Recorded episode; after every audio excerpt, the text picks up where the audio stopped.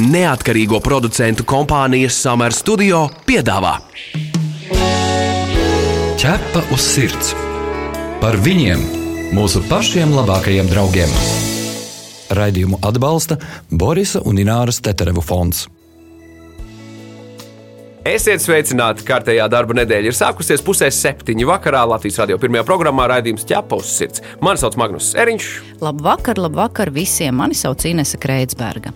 Nu, Remagnus, kā ir, mēs ķepus sirds bieži stāstam par dzīvnieku glābējiem. Cik viņi patiesībā ir traki metoties situācijās, bieži pat neapdomājot, vai paši varēs tikt galā, jo kas ir svarīgi, lai izglābtu dzīvnieku, kas nonācis nelaimē.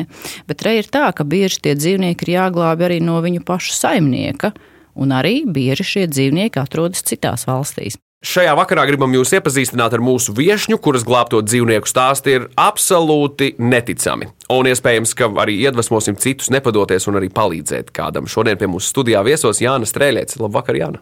Labvakar! Janai mājās ir četri izglābti kaķi un trīs suņi, un visiem ļoti interesanti stāsti, bet par visu pēc kārtas.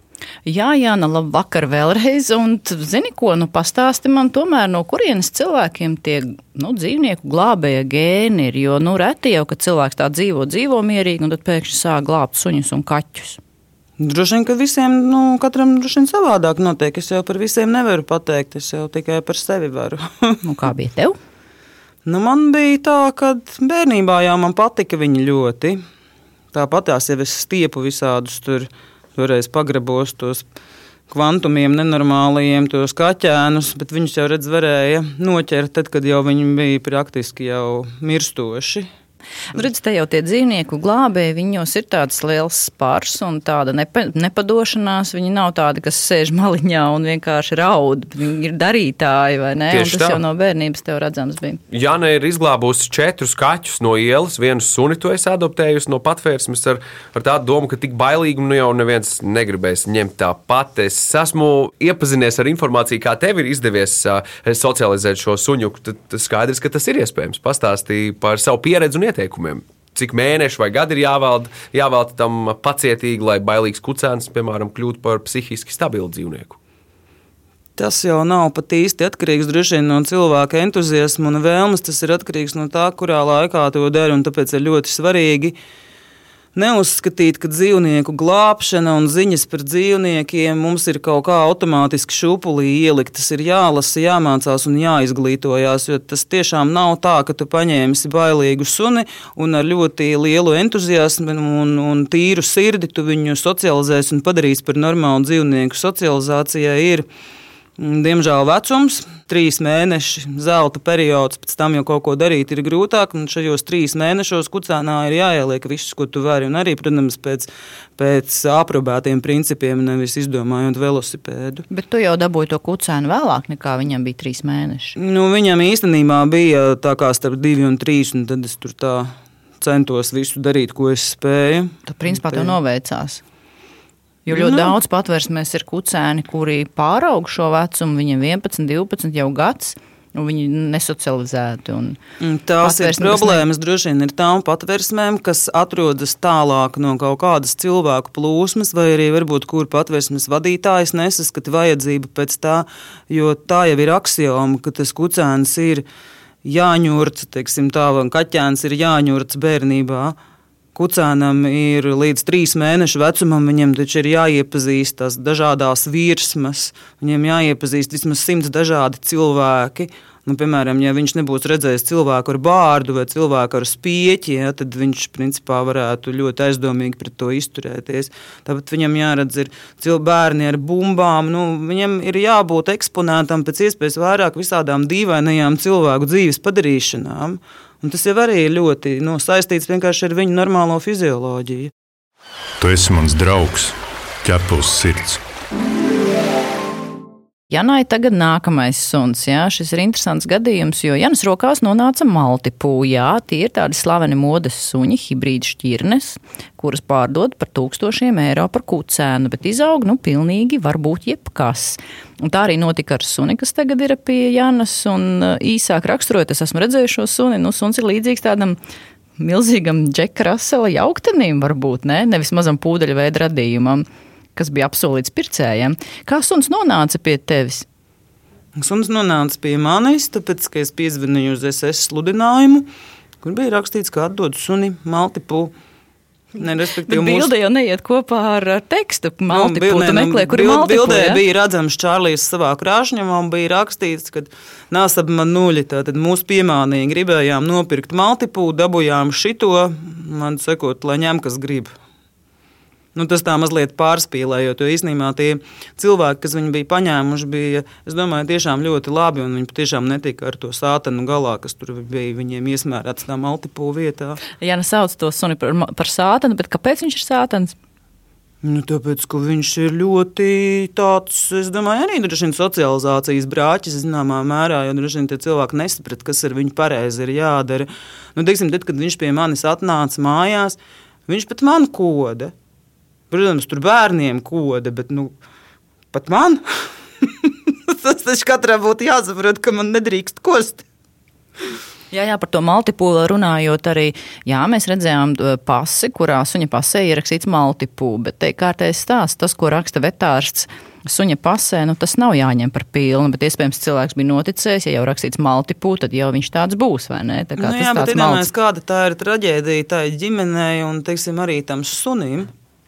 Ja, viņš ir ņemts kā, kā maltipūle, kurš būtu noteikti ar, ar salīdzinoši maigu raksturu, viegli korģējams. Ja, tā, un, un arī ar, nu, iespējams, ka tomēr ar mazāku to alerģijas iespēju. Un tā vietā ģimene tiek pie tāda sātanie, kur tur ir jāpasvīst, lai viņi kaut kā iegrožotu. Ķepa uz sirds, suņu būda. Jana pastāstīja nevis par sātanu, kurš ir jāiegrožo, bet par uh, lielo laimīgo lāci, par Diniču. Kāds ir viņa stāsts, kā tu viņu atradi? Diniču es atradu tad, kad es vēl biju normāla. skatījos, vienkārši man ļoti patīk lielie suņi. Un, protams, tas arī nav noslēpums, ka Latvijā patvērsmēs lielie suņi, gigantiskie, nu, ir ļoti, ļoti liels retums. Un tad es arī kaut kā nejauši uzzināju, ka ir cilvēki, kas neglābj visus pēc kārtas, bet izvēlās tieši pēc šķirnēm, ko glābj. Un tas man bija ļoti interesanti, ka tā arī var darīt. Un es sāku skatīties Krievijas tādas šķirņu glābējus. Nu, skatījos dogus vācu, nu, tur neviena nebija vācu dogu glābēju saitā. Nu, kā saits ir, bet, bet to glābjamo nav. Un tad atradu kaut kā zaitus šķirnes suņu glābēju komandu. Un tur bija ļoti daudz brīnišķīgu suņu, un tā skaitā diņķi. Kā tu viņu ieraudzīji, lai, lai klausītāji saprastu, par kādu sunu ir runa? Nu, man viņš liekas tāds liels, liels, labsirdīgs lāčuks, nu, milzīgi labsirdīgs, milzīgs un milzīgi labsirdīgs. Nu, redz, labsirdīgs jau viņš noteikti ir, bet nu, ir jāsaprot arī tā kaut kāda suņu specifika. Bet viņš, jā, viņš tik skaists un viņš tur bildēs tāds skrienošs. Un, spalva vējā plīvo un milzīgs. Un tas apraksts, protams, arī tāds, kas ir sažņaudzās, ka suns ir sēdējis pusotru metru garā ķēdē pie ābeles, bez vispār bez nojumes, bez būdas, bez nekā. Nu, tāpēc, ka ir tas mīts, ja, ka Nu, kaut kā zaitu suņiem jau vispār neko nevajag. Viņi jau ir tik izturīgi, viņiem tur iedod kaulu nedēļā, un vispār nojumi nevajag, un kontaktu ar cilvēku nevajag, un viņš tik tur dzīvos un sargās nosuns pie ķēdes, pie ābeles, nu, ko viņš faktiski var nosargāt droši vien tikai to ķēdi. Ja, bet, nu, Un pēc tam saimniekam vai nu viņam pašam palika bail, kas ļoti bieži notiek ar šiem lielajiem suņiem, ka saimnieki paši no viņiem baidās. Viņu daļai arī ņem tos lielos suņus, daļa cilvēku, tāpēc ka viņiem laikam kaut kā liekas, ka viņš būs Nezinu, ka viņu vairāk vērā ņems, ka viņš kļūs bīstamāks apkārtējiem. Nu, apmēram laikam, tā kā ar ieroci staigā viņi tā iedomājas. Un tad beigās paši baidās, dodēs uz lāpstas. Nu, solīja man, ka suns būs vesels, četrus gadus vecs. Nu, vesels viņam bija izoperētas abu pakaļķepu krusteniskās saites, to es zināju, ka viņš ir izoperēts. Bet nu, citādāk vesels un četri gadi. Nu, ļoti jauki. Bet pie manis atbrauc nu, tāda milzīga spalva, tāda pat ne kaudze, bet tāda kā sīnas toks. Tāds ārprāts vispār, un vienos savēlumos, un trakākais tas, ka viņš nevar paiet. Viņš pat čurājot ķepu nevarēja pacelt.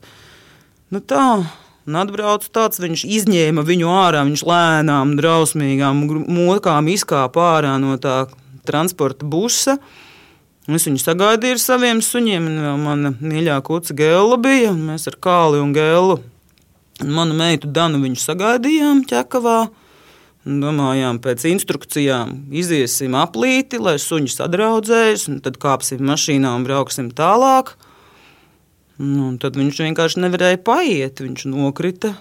Bija saprotams, ka viņš nevis viņš negrib, bet viņš vienkārši nevar. Vai var saprast to, ka viņš nemaz nebija nekad steidzināts?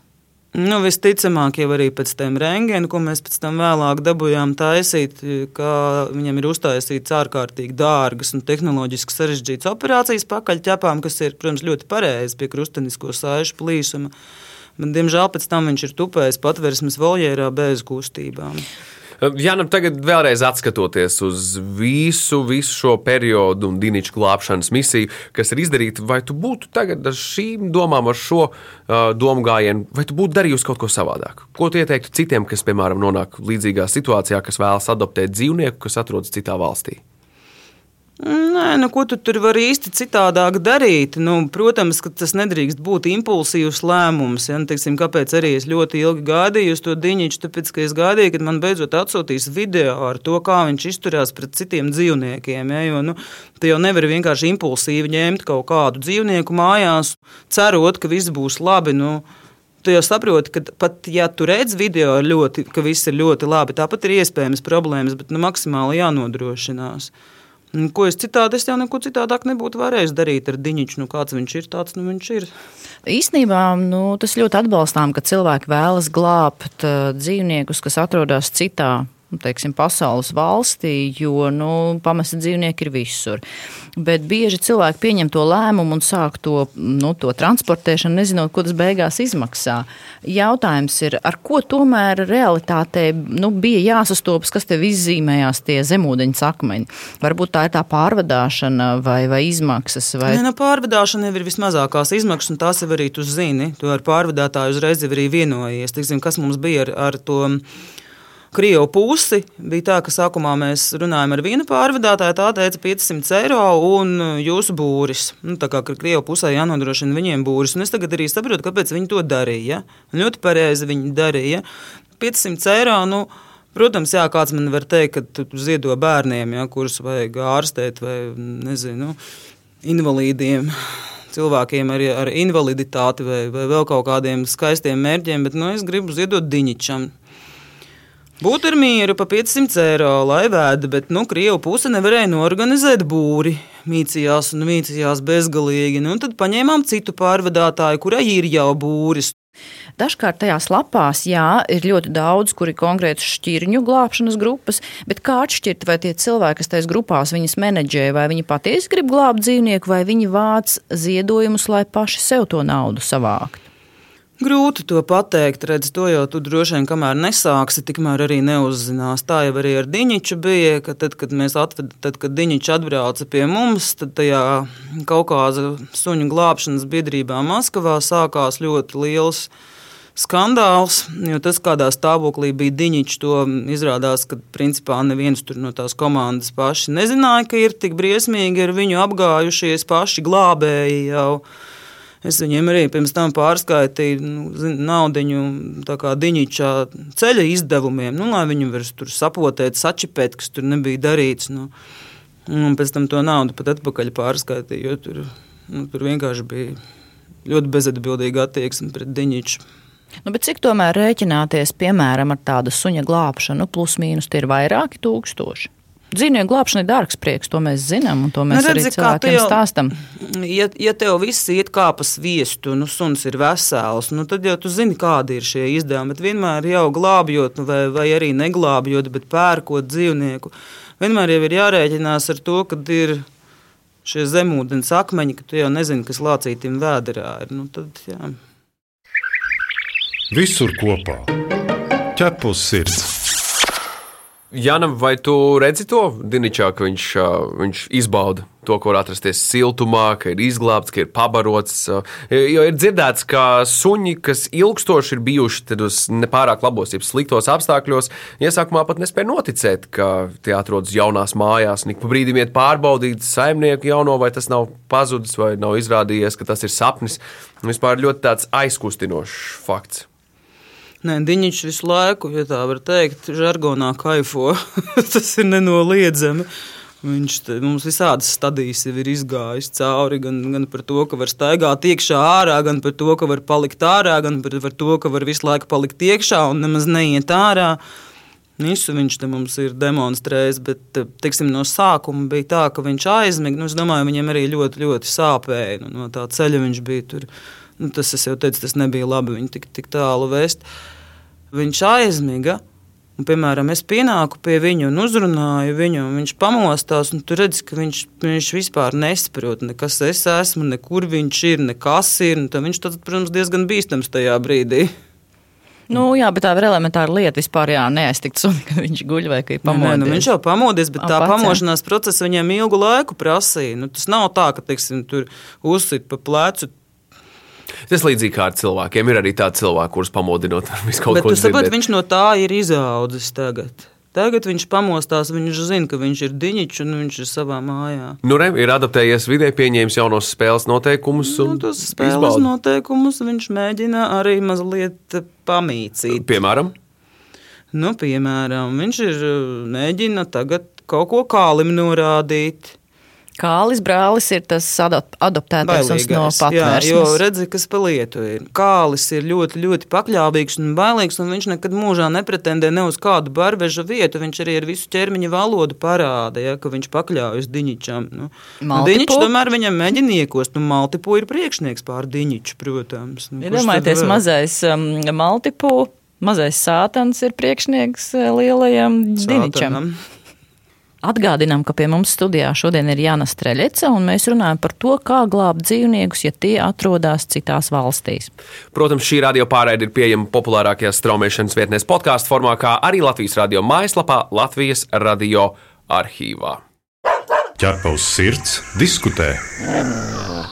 Bet, nu, paturpinot tādas filozofiskas tēmas, um, vai tu tici liktenim? Kāpēc jums bija jāsatiekās? Es domāju par Diniču tagad. Nu, acīm redzot, bija.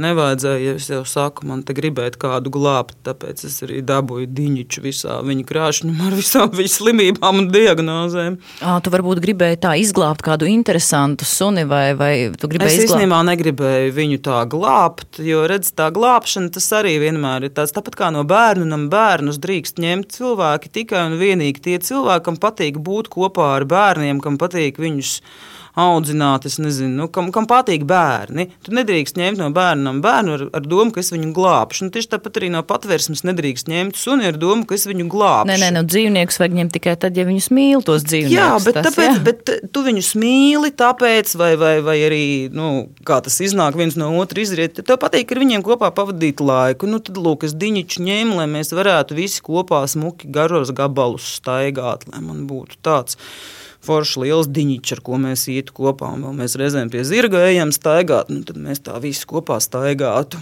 Jā, jā, bet es paturpināšu to, kāpēc jums abiem bija jāsatiekās. Varbūt tieši tas stāsts ar Diniču, ka tu viņu glābi, vai kaut kādā veidā tā komunikācija tevī pašā pavēra kādu šķautni, ka tu, teiksim, par sevi varbūt to nezināji, ka tev tāda īpašība ir, tur cīnītājs gars vai neatlaidība vai, vai kaut kas vēl. Nē. Ja kāds grib vest dzīvnieku no ārzemēm, vienalga kādu glābšanas vai pirkšanas motīvu vadīts, nu, tomēr ir jānoskaidro likumdošana, prasības. Ir jābūt čipētam, attiecīgi potētam, ir valstis, no kurām iebraucot, ir jābūt trakumsērgas titram. Tam ir noteikti, noteikti jābūt, jo citādāk tas beidzas pavisam bēdīgi tam dzīvniekam. Ir valstis, nu, teiksim, Zviedrija, kas šos dzīvniekus, kas neatbilst, iemidzina, Nu, un, piemēram, te mums jau arī Latvijā bija nesen gadījums, kad veda suņus no Grūzijas, bet nu, ne, ne tieši no Grūzijas, bet nu, caur Krieviju. Un veda Krievijas pārvadātājs, kurš nebija noformējis dokumentus, un tie dzīvnieki iestrēga ilgu laiku uz robežas. Pēc tam, paldies Dievam, viņus, viņus varēja dabūt iekšā pie mums, bet nu, tas ir nenormāli izdevumi un cik tas nervus prasa visiem. Kā var pārbaudīt, cik godprātīgi visus noteikumus zina pārvadātājs? Nu, ir jāņem tie, par ko ir labas atsauksmes. Atsauksmes var no, noskaidrot. Nu, piemēram, no šķirnes dzīvnieku audzētājiem Latvijas Kinoloģiskā federācijā droši vien var uzzināt kontaktus. Bet, ja kādam jautā, viņi arī pie tevis var vērsties pareizi. Un pie manis noteikti, jā, tāpēc mans Facebook profils ir pieejams visiem, jo varu sniegt atbildes. Uh, Jana, redzot šo situāciju no, no sava skatu punkta, vai var mums ieskicēt, kā tev šķiet, kas šobrīd ir pats nesakārtotākais situācijā ar pamestiem dzīvniekiem un, un cilvēkiem, kas nežēlīgi izturas pret tiem šeit, Latvijā? Diezgan daudz, kas jau ir nesakārtots. Likumi mums ir labi, ko es vienmēr saku, taču likumu pielietošana mums ir ļoti švaka. Jā, tur pilnībā var piekrist. Likumiem nav nevainas, tikai problēma ir tas, ka tos nu, ja, piemēram, tagad gadiem jau patvērsmes pilda nevis klaņojošie suņi, jo tādu suņu Latvijā jau diemžēl, nu, ne, diemžēl paldies Laime. Dievam, jau sen vairs nav. Tad jau kādus gadus, nu, principā ap desmit patvērsmes pilda tikai visi šie mājas metieni, kas ir sākumā izdalīti labās rokās. Nu, pēc tam viņi nonāk vairāk vai mazāk jau, es atvainojos, bet izčakarātā veidā patvērsmē. Un tā ir viena ārkārtīgi sāpīga problēma. Nākamā problēma, droši vien, kas, kas man ļoti sāp, ir par kaķiem. Nu, kāda mums ir jēga noķert, sterilizēt, atlaižu programmas, ieviest un īstenot, kas, protams, arī vēl mums ne visur, ne tuvu, ne visās pašvaldībās ir. Un arī, ja ir, tad jautājums vienmēr, vai tas apjoms ir pietiekams, jo tomēr ir jāsasniedz zināms procents sterilizēto kaķu, nevis vienkārši kaut kas jāpasterilizē. Nu, ja vienkārši mēs kaut ko padarām, tad efekta nebūs. Bet kāda jēga ir viņus sterilizēt, ja pēc tam var aiznaglot ciet pagrabus? Tā ir principā nu, kontrols trūkums, tā kā galvenais, ja no atbildīgo institūciju puses. Es pat nezinu, vai tas ir tā. Nu, nu, noteikti, ka kontrols trūkums ir viena problēma, bet arī kaut kāda sabiedrības izpratne pilnīgi klibo. Uh, Nu, tas nav foršiņi, jaukiņi izdalīt sunīšus pa labi, pa kreisi. Nu, tāpat arī nedrīkst izturēties ne pret balodi, ne pret kaķi, kā pret kaut kādu vienkāršu traucēkli, ko mēs likvidējam, aizvācam un vispār. Fu. Bet tas arī nav paudžu jautājums, ka jāmainās paudzēm, lai tā izpratne nāktu. Nu, zini, tas jau arī tas, ko mēs runājam. Tu jau vari darīt nepareizi paudžu paudzēs, jādara arī pareizi. Tad var cerēt uz kaut kādiem uzlabojumiem. Nu, ja viena paudze māca otrai ienīst kaķus, nu, tad nekas arī nemainīsies. Viena paudze māca otrai, cik forši, ka mums ir runcītis un kaķenīti, un tad mēs viņus sapārojām, un bērniņus mēs izdalījām, un viss ir tik jauki. Tev šobrīd ir ģimene, vīrs, bērni. Cik viegli apvienot ģimenes dzīvi ar dzīvnieku glābšanu? Viņi nesaka, ka tu esi traka. Nē, nu viņiem nepatīk baigi. Nu, redzi, piemēram, tā pati kaķu sterilizēšana. Nu, tas ir diezgan tā, un tu uzņemies. Un tad, piemēram, viena adrese Rīgā ir, kuras, kas man karājās kā um, Damokla zobens virs galvas. Bet, nu, tur arī, protams, var ilgi un dikti stāstīt. Nu, bet, sakot, nu, protams, ka tu esi atrauc ģimenei.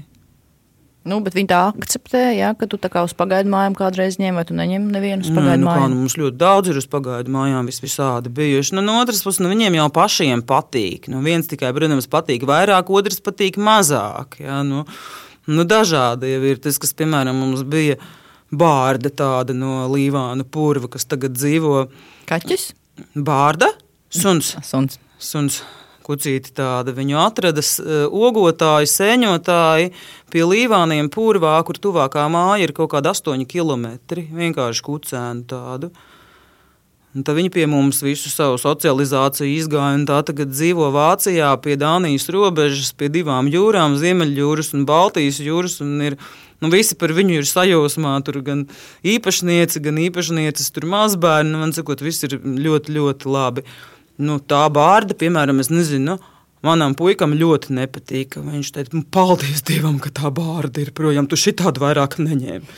Nē, nu, puika jau saka, man tev... vispār, tu šitos te vispār vairāk neņēmi. Bet ģimene tev palīdz, vai viņi tā kā ļauj tev realizēties? Tad viņi redz, cik tu no tā esi varbūt nu, apmierinātāka, ka tu vari palīdzēt. Redz, tā baigā ilūzija, ka tu esi apmierināta. ka es esmu apmierināta, ka tu naktī ej tos kaķus ķert un pa slidenu un nomaucies un sev gandrīz roku salauz. Vai tad, kad tu ieperies atkal ar kaut kādiem iebloķētajiem baložiem vai iebloķētajiem kaķiem, nu, tas jau ir tāds. Um, Tur nav nekā skaista, tur nav nekā romantiski. Tas ir viens vienīgs nervu patēriņš. Un, Nu, savādāk arī nevar. Tu nevari mm, palikt mierīgi mājās, dzīvot, zinot, kā kaut kur tu it kaķeni dzemdēs, tāpēc, ka viņi nav sterilizēti. Un tad kaķentiņi bizenēs apkārt, kamēr actiņas izpūs, kamēr viņus tur mašīnas nobrauks. Tu nevari aiziet mierīgi gulēt, ja tu zini, jā, ka tur ir pagrabs aizbloķēts, cieta kaķīna glota. Tu nevari dzīvot normāli, tu zini, ka ir aiztaisīti cieti bēniņi, un tur baloži skrabinās un netiek ārā. Nu, tomēr kāds nu, moments, pozitīvs, tāds aizkustinošs, nu, kurš ir tas brīdis, kad tu atrodi to īsto saimnieku, vai tu redzi, ka tiek sūtītas bildītes, kur tam dzīvniekam klājas labi. Kāds ir Nē, tas, nu kā, tas nu, tad, kad moments? tu kaut ko izdari un panāc, tad tev ir bijis vieglāk ap sirdi. Jā, nu, piemēram, par bārdu vai, vai, vai par blūzu, vai kaut vai piemēram, par argucīti, kurš tagad ir Olivers. Tas jau ir, protams, ļoti labi ap sirdi. Ķepa uz sirds, jautā ekspertam. Ja nu pastāsti par to, kādu tu gribētu redzēt savu pasauli, teiksim, pēc uh, pieciem gadiem, cik tev būtu dzīvnieku, varbūt izdodas realizēt savās domās kādu sapni par dzīvniekiem? Nu, ideālā pasaulē jau es droši vien, ka vispār varētu dzīvot kaut kur kalnos ar suņiem. Es nezinu, zirgiem, bet nu, labi, tie tādi pilnīgi tādi nepiesaistītie pie zemes. Es nezinu, nu kā es jau varu dzīvot tur, kur es dzīvoju. Man nekāda vaina nav. Bet nu, būtu labi, ja tā apkārtējā situācija pamazām uzlabotos. Nu, nav normāli tas, kas tagad notiek visās. Um, Jauno māju, arī veco māju ciemetos. Katrs uzskata, ka viņam ir jāpaņem suns, un tad viņš to suni nu, tur kā nu prot, vai kā sanāk. Jā, tas starp citu ir īsts stereotips, ka būs māja, būs suns, it kā tam ir vispār kāda saistība. Un tad tie suņi sēž tā, tādi dārza rūķi, jo viņi jau staigāt jau ar viņiem nevajag. Priekš kameras suns, tas visu dienu ir ārā. Un tas ir varbūt par kapeiku labāk nekā turēt suni. Nu, protams, voļģērā vai pie ķēdes, bet tas ir pilnīgs arī idiotisms. Un, nu, tādiem cilvēkiem, kas negrib ar- nodarboties ar dzīvniekiem, viņi nav jāņem. Nu, tad, Ir signalizācija, vēl varētu kaut kādu tiešām to pašu dārza rūķi ar Nu, Dārza rūķi, vai, piemēram, ja tu negribi iet staigāt ar suni, nu, tad lai kā tev gribētos, ka viņš tev ieliec gultā un dod savu suņu buļķu, nu, bet tomēr tu vari ņemt tikai kaķi. Jā, nu cik pēc pieciem gadiem tev būs dzīvnieku? Nu, nezinu, nu, pēc pieciem gadiem redz, tas ir tāds jautājums, cik mēs, piemēram, dzīvosim kopā ar Diņiču. Diņičs ir stiprs slims. Nu, jūs dzīvosiet kopā ar Dīniņu. Mīlestība dara gadus. brīnumus, starp citu, un ļoti, ļoti paildzina dzīvniekiem mūžu. To mēs nu, zinām. Jā, bet redz, kā lielie, lielo šķirņu dzīvnieki, ja tur, teiksim, viņam 13 gadi, nu tā. Nu, bet uh, pieņemsim to Nē, labāko. ideālais variants - saudzētava. Mums jau ar Ingūnu jau mēs jau kaut kad sarunājām, jā, tā esam saudzētavu. Ingūna Daumeistere, tā Jā, ir cita bet- dzīvnieku glābēja. Jūs taisīt tādu tā kā saudzētavu, tas kaut kas līdzīgs pansijai. Nu, tas būtu tā, jā, nu, tur varētu tad būt gan savvaļas dzīvnieki. Es droši vien, kad gribētu no diņķa pamazām evolucionēt uz kādu lāci. Nē, saudzētava izklausās interesanti. Tāds um, jauns termins. Nu, ko novēlēsim tev, lai tev piepildās visi tavi sapņi, lai būtu pēc iespējas mazāk dzīvnieku, ko glābt droši vien? Tieši Paldies. tā. Jāna, paldies par sarunu un lai, lai atlikušais laiks burvīgs. Paldies! Mēs šoreiz sakām jums visu labu. Jā, un tēmu, protams, par dzīvnieku glābšanu un par rūpēm par dzīvniekiem turpināsim arī nākamajā raidījumā. Bet tas viss pēc nedēļas, bet šajā raidījumā tas ir arī viss. Mani sauc Inese Kreitsberga. Mani sauc Magnus Eriņš. Raidījumu veido neatkarīgo producentu kompānija Summer Studio. Visu labu! Atā! Ķepa uz sirds. Informatīvi izglītojoša raidījums par dzīvnieku pasauli un cilvēkiem tajā. Raidījumu atbalsta Borisa un Ināras Teterevu fonds.